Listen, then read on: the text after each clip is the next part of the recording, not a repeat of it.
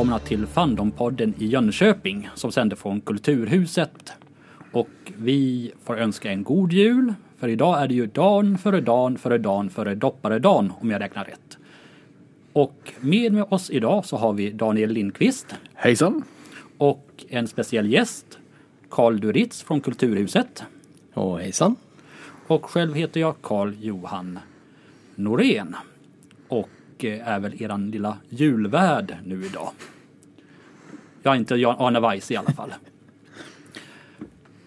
Men eftersom vi sitter på Kulturhuset så eh, tänkte jag att det skulle vara kul att berätta lite om huset här där vi spelar in. För det har en ganska lång historia nu. Och eh, vi sitter i en inspelningsstudio som Karl är ansvarig för. Hur kom ni igång med den här studion en gång i tiden? Ja, det, det, det, man kan säga att det här är version tre utav inspelningsstudios som vi har haft i Kulturhuset i olika former genom åren. Och eh, tidigare så har det varit inlånad utrustning eh, som har använts. Och, och vi har också provat lite olika eh, former utav drift utav eh, eh, studios. Eh, vi har idag kommit fram till någonting som eh, kan serva upp till åtta kanaler här inne och det är vi ganska nöjda med faktiskt. Det har räckt hittills. Oh, vi har eh, noterat vårt lilla mixerbord här. Eh, och det här rummet är speciellt uppställt för att vara ett mixnings och masteringsrum. Givetvis så går det ju att spela in i sådana rum också. Eh, men vi har ju också en större lokal som heter Insikten där vi kan få in hela, Eh, ja inte symfoniorkestrar men band i varje fall och spela in. För att sedan mixa och mastra här inne då där vi har eh, dämpat av både väggar och, eh, eh och fönster. Okej, så musik har eh, någonting som ni har satsat mycket på här i huset? Jag tror att 1982 när, när eh, eh, förarbetena till det som blev stadgar och eh, kommunens bifall till att skapa det här huset så Eh, var en av de som deltog där, en, en av de organisationerna ska jag säga, eh, var en sammanslutning utav musiker som ville få in replokaler eh, på Kulturhuset. Ehm, så att eh, det, var, det har varit ett spår som har funnits från början faktiskt. Oh, det har jag förstått. Och det är lite kul med det här huset för det ligger det här fokuset på deltagarkultur och att vi som gör det här huset också med och jobbar med det. Det är något som jag känner mig väldigt hemma i. Från min bakgrund som science fiction-fan egentligen. Ja, det, kulturhus kan ju ofta egentligen missförstås som begrepp. Eh, man tror att kulturhus ska vara som Kulturhuset i Stockholm eller som Eh, ett kulturhus som kommunen annars driver i, i eh, staden här. Spira. Spira, ja. Det här är ju mer ett aktivitetskulturhus kan vi kanske säga att det är. Mm -mm. Det betyder att vi som är medlemmar formar den verksamhet som bedrivs här. Och ofta är vi själva, kommer ifrån en tidigare bakgrund inom olika intressen mm. som musik eller Eh, eh, eller som eh, spel. spel har vi. Det finns ju en stor spelförening här. Ja. Gamesword, eh, vad heter de? Great Sword and Broadsword eller något sånt där. Games and Broadswords Organization eller någonting liknande. Ja. Jag kommer få stryk för att jag har uttalat det här så här kan jag säga.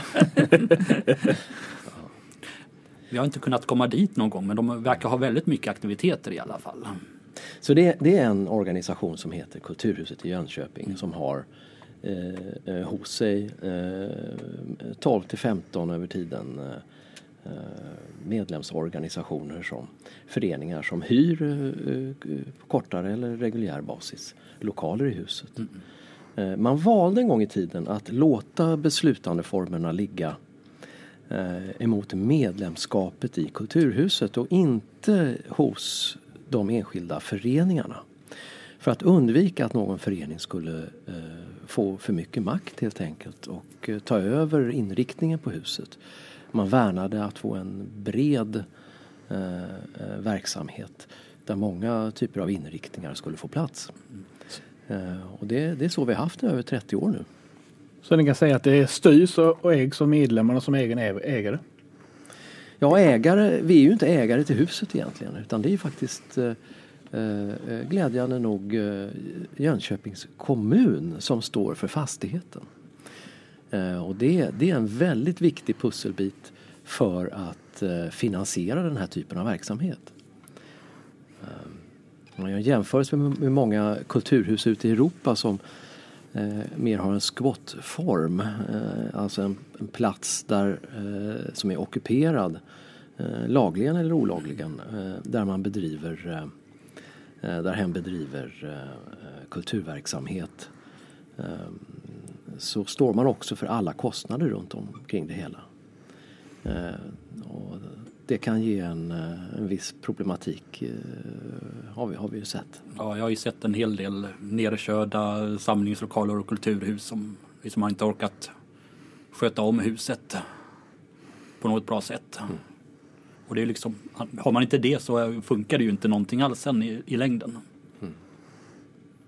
Fast ni höll på att bli utkastade för häromåret. Ert eget lilla favorithatobjekt Mats Gren var det väl? Ja, jag vet inte om vi ska äh, äh, ta upp det här idag kanske men äh, det, var, det var en väldigt tuff period. inte minst för mig, minst för mig privat. det tog väldigt mycket engagemang under flera års tid. Ja. Samtidigt, det vet jag Eh, Eh, för, för, bara något år sedan så hade vi en eh, grupp som kallade sig för Sad Puppies.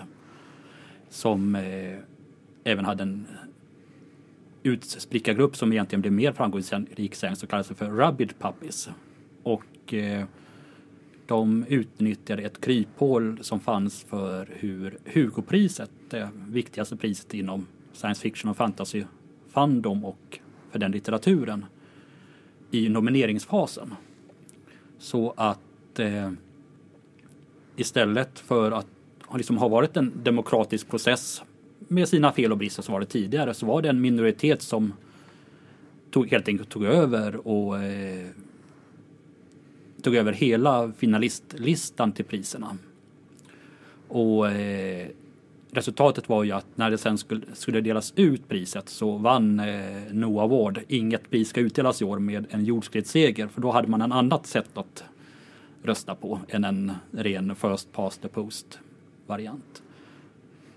Men det man märkte då var ju att det var väldigt många människor som inte hade kanske inte brytt sig så mycket om Hugo-priset tidigare eller som hade gjort det tidigare men som kanske tappat lite av gnistan, engagemanget. Varför ska jag bry mig om det här numera? Som plötsligt insåg att det här är någonting viktigt. Det var först när jag höll på att försvinna som jag upptäckte att det här betyder någonting för mig. Mm. Det var väl lite grann situationen för oss här att när vi eh, kämpade för att eh, få fortsätta verksamhet eh, i Kulturhuset så var det väldigt många som förut eh, vuxit upp med huset som kom och stöttade och hjälpte till. Det är ju en, eh, så ibland så behöver man någonting som kommer utifrån som petar till en ibland för att man ska inse att det här var någonting värdefullt och bra. Jajamän. Och vi, vi uppskattar ju att vara här också. Mm. Definitivt. Jo, det är mycket bättre att vara här i en välgjord lokal än att sitta i en gammal dammig möglig källare och hålla på. Ja. Eller i ett vardagsrum någonstans med en bebis som skriker bakom. Fast eh, Hulda var ju med i vårt första avsnitt så det, det gjorde, hon all, all, gjorde hon alldeles strålande.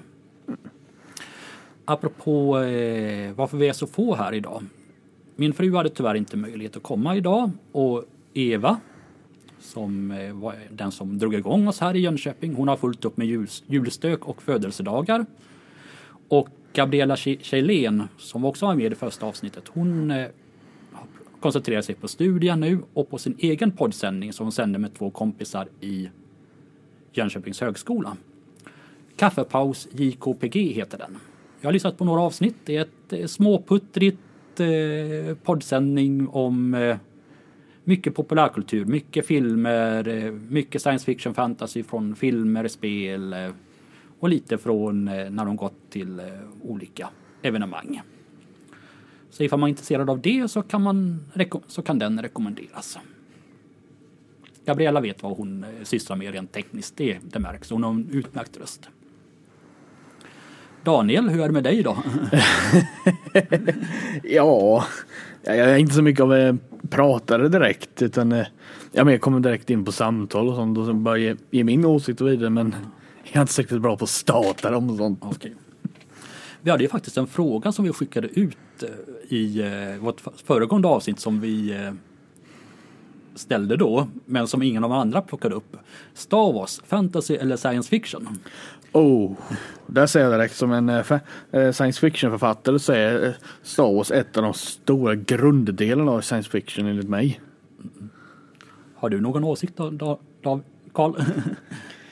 Ja, jag, jag kan ju säga att jag såg de första filmerna som gjordes eh, och sen så halkade jag ur och missade någon film och har till glädje upptäckt att eh, jag hade den att se här, här om året. Så att, eh, jag har nog vuxit upp med Star Wars på det sättet att mina barn har gjort det. Jag har Ja. fått se alla filmerna igen under början på 2000-talet. Det är väldigt roligt faktiskt. jo, det vi, jag och en jul så satt vi och såg den första Star Wars-filmen.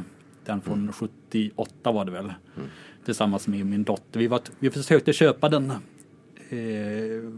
för nedladdning eller eh, via en eh, strömningstjänst där uppe hos, i Boden. Men det slutade med att vi fuldelade hem den. Och sen fick vi titta på den. Men hon uppskattade den.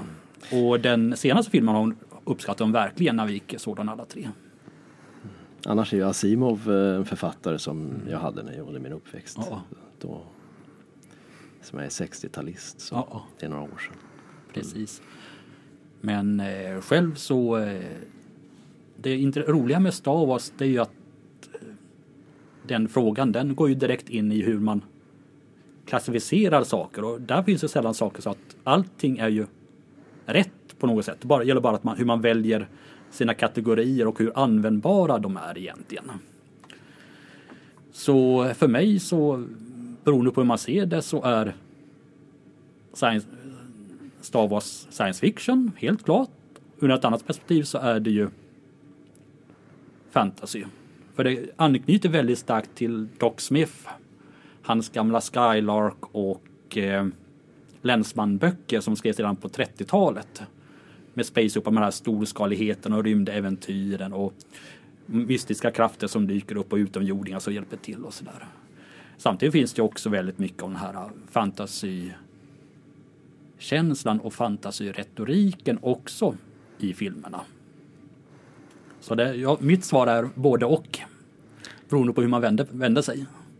Det är faktiskt ett svar jag kan acceptera. Som en som har varit inne i det så kallade expanded universe i Star Wars så kan jag lite se vad du menar med att det är både och med tanke på att det finns sju helvete så mycket i det expanded universe. De filmerna är ju typ bara en liten lite på ytan mer, mer eller mindre att ha ett ha, helt hav under till med material som finns. Men det, så vårt svar blir väl både och här. Kan jag acceptera. Ja.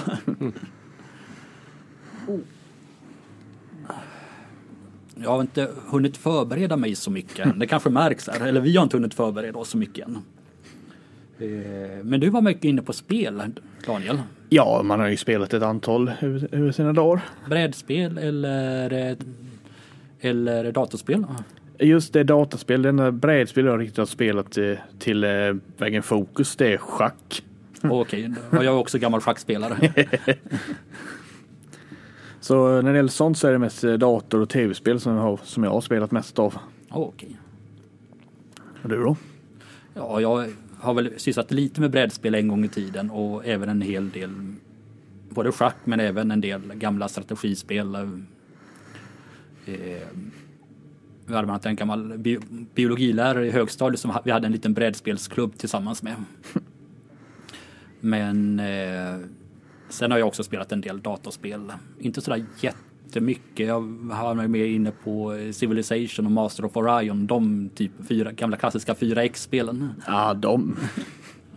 Jag kan säga så här att eh, jag kanske kommer få skit för det här men eh, jag visste inte om att eh, Mech, MechWarrior var, eh, var ett brädspel innan jag fick reda på det för jag alltid trodde det kom från tv-spel först. Okej. Ja, så illa är det för mitt fall. Ja, och sen skrivs ju massor med eh, noveller och romaner som eh, speciellt romaner, ta in romaner till eh, MechWarrior och Battletech-universet. Ja, det har jag märkt. Det är också någonting som man ser i eh, speciellt mellan dessa Warhammer 40K romaner som kommit ut. Oh. Oh. Som jag har, sorgfälligt har lyckats undvika. Även om jag har hört att en del faktiskt är bra.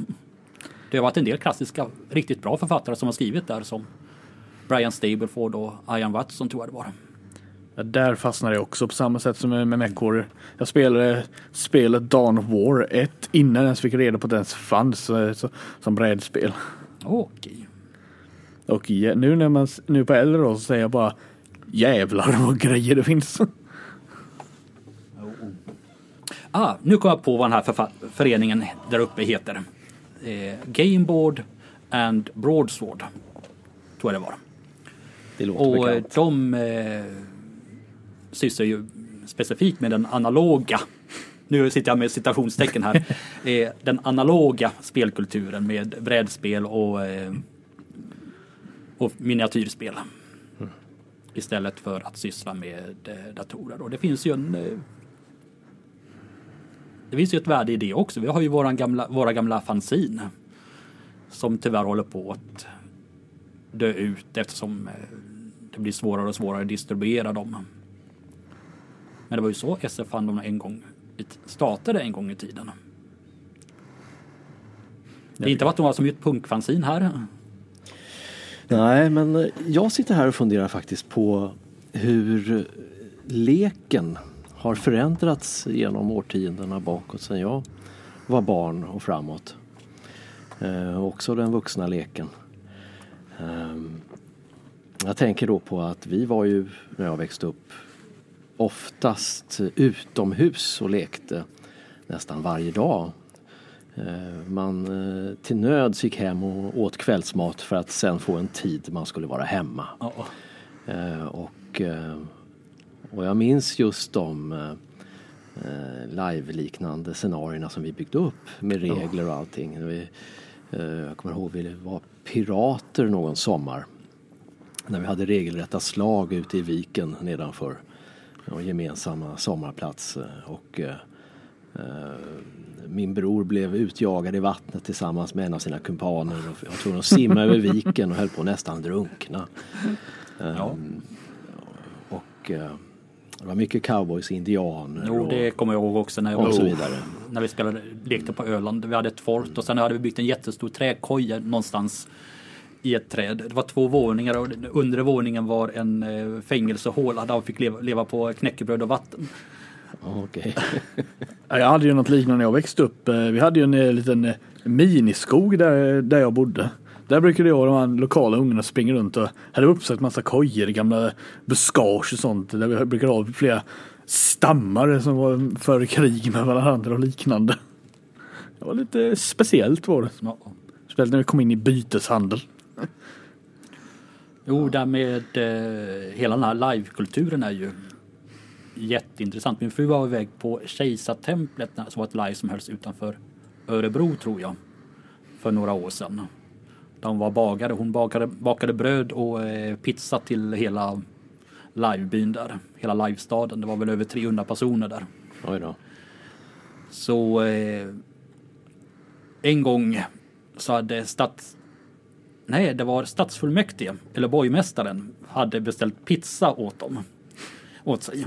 Så då bakade de pizza och sen gick de runt i hela livebyn med flamkaka. Och höll upp den, denna flamkaka. Och ropade ut högt i ljudet att denna flamkaka är på väg till borgmästarens fest. För det hade aldrig serverats pizza på ett live tidigare.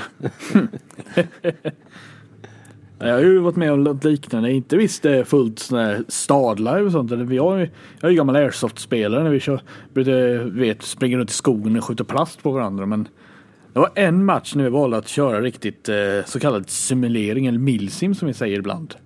Och eh, den, det var speciellt för det var lerigt, det var dimmigt och eh, ångigt och det spöregnade. Och skogen hade precis blivit eh, utgallrad så var nerfallna träbitar, trä som låg där, stockar låg där. Massa hjulspår från gamla stora hjullastare och sånt där. Och det, var, det var speciellt när man så, låg där i de där hålen. bara, så där, nä, nästan upp, he, nästan massa vatten över, he, över huvudet. Bara tittade upp och fick ducka på en massa kulor som kom helt plötsligt. Tog man upp en eh, liten granat och flängde iväg den bara. bara Inkommande! Boom! Det var, det var en underbar känsla när det var. Ja, eh, själv tänker jag bara på lumpen när jag gjorde det och de spände av en napalmbomb i närheten av oss. var inte kul det heller. Ja, men vissa av oss har inte tyvärr gjort lumpen så jag fick ha det näst bästa. Men det som jag tänkte på när du, Karl, när du läste Asimov en gång i tiden.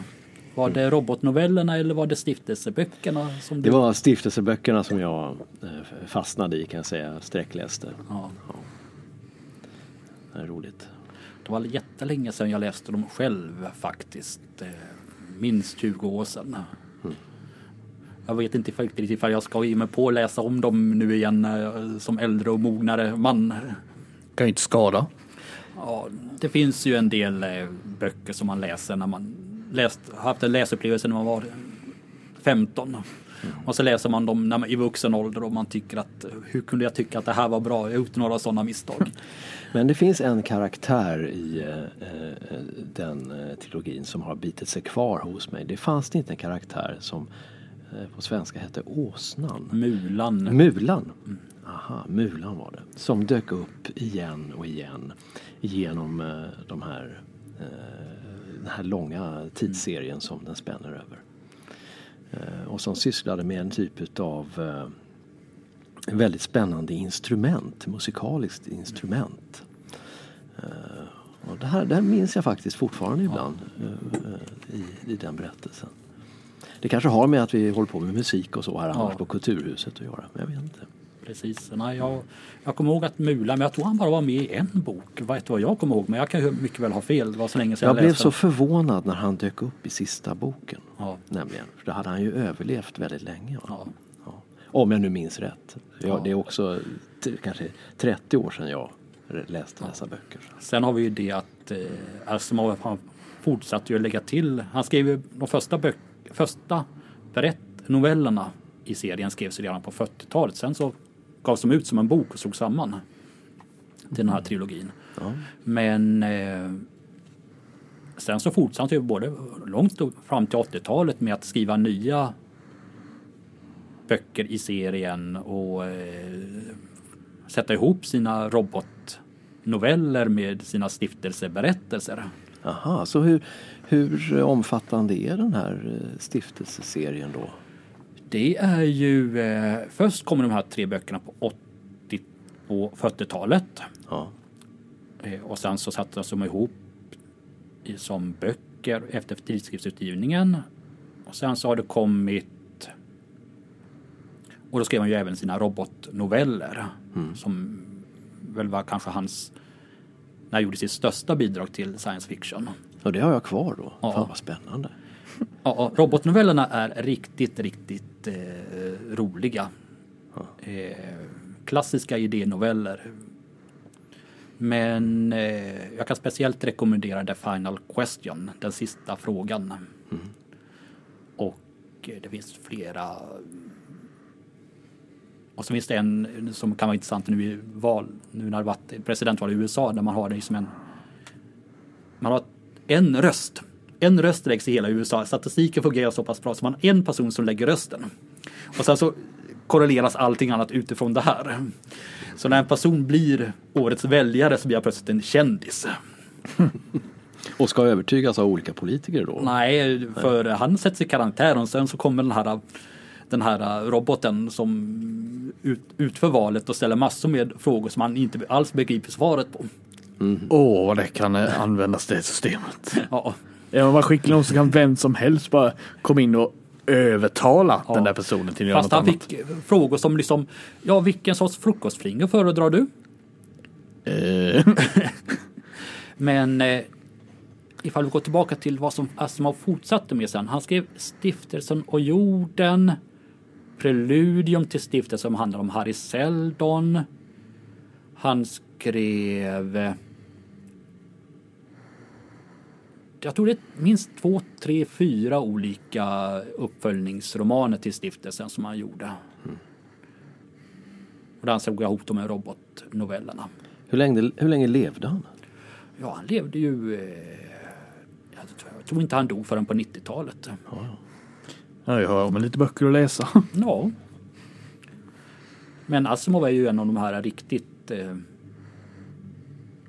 klassiska inom eh, science fiction. Ofta, ibland pratar man om de tre stora författarna inom science fiction. Det är ju Asimov, Isaac Asimov, Arthur C. Clarke och Robert Heinlein som man brukar prata om som de tre stora namnen. Det var de som kom att dominera genren på under 40-talet.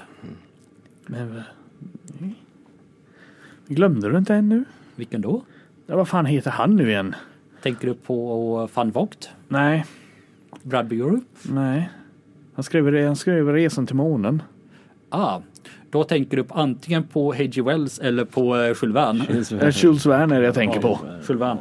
Ja, Jules Verne ses ju lite som Fadern. ja, proto-SF. Det beror lite på vilket som... Jules Verne skrev ju någonting som man skulle kalla för fantastiska resor. Det, var ju, det var han kallade sina böcker och där ingick ju både hans böcker som vi idag kan se som science fiction, som Resan till månen eller En värld som seglar under havet. Åh, oh, klassiker. Eh, Men där ingår ju också ren eh, äventyrslitteratur som Kapten Grants barn eller eh, Tsarens kurir som jag vet att jag har läst om många gånger när jag var i 13, 14, 15 år för jag var, älskade Jules Verne då. Men han är ju inte han var ju kom liksom före science fiction lite grann. Han tillhör de här författarna som var, liksom var förelö, förelöpare som hjälpte till att skapa genren innan den fanns om man säger så. Wells var ju också ett sånt namn. Ja, jag har inte riktigt kommit in i hans böcker än. Ja. Sen så nämnde jag var på ett eh, föredrag för när jag var nere i Lundcon, en liten minikongress i Lund. 60 år efter den första svenska kongressen dessutom, som också hölls i Lund. Och då höll en eh, dansk fan, eh, Knut Larn, ett väldigt intressant föredrag om en fransk författare som hette Rochny. J.H. Rochny. Hm. Fransk-belgisk eh, och han var samtidigt med H.G. Wells och skrev hård SF i samma stil som Brian Stableford eller Ursula K. Le Guin. Och han eh, var en väldigt bemärkt och uppskattad författare i Frankrike under 10, 20 och 30-talet. Och skrev då som sagt också vad som kallas för science fiction. Men han är ju stort sett bortglömd. Jag tänkte lite reda på någon av hans romaner eller noveller och testa att läsa dem. Men det var ju först eh, under 30-talet som liksom man uppfick det här genremedvetandet kring science fiction. Det fanns, för det fanns inte riktigt tidigare. Sen använde man ju Wells och eh, Verne för att bygga det här medvetandet. Jag tror att jag får eh, tacka för mig eh, för att nu ska vi ha lite musik på scenen vi ska förbereda. Vilka är det som ska spela? Och det är bland annat Kalla händer Kalla händer. som eh, kommer härifrån huset. Jag har inte hela listningen framför mig men eh, jag ska vara lite assistent idag till vår eh, ljudtekniker Melle som har huvudansvaret för arrangemanget. Vi- Som, hon har ju varit i London i två år Ah, och utbildat sig som eh, producent. Eh, och är nu tillbaka i Jönköping eh, och har haft praktik på radion här i stan. Eh, P4 tror jag det var. Och eh, hon vill också komma ifatt lite med det som har, vi har med eh, eh, eh, vårt liveljud som vi har möjlighet att göra här på Kulturhuset. spela in det- direkt under in, in, Ja. spela in direkt under spelningen. Det gör vi också. Eh, Men också att köra ljudet ut till publiken.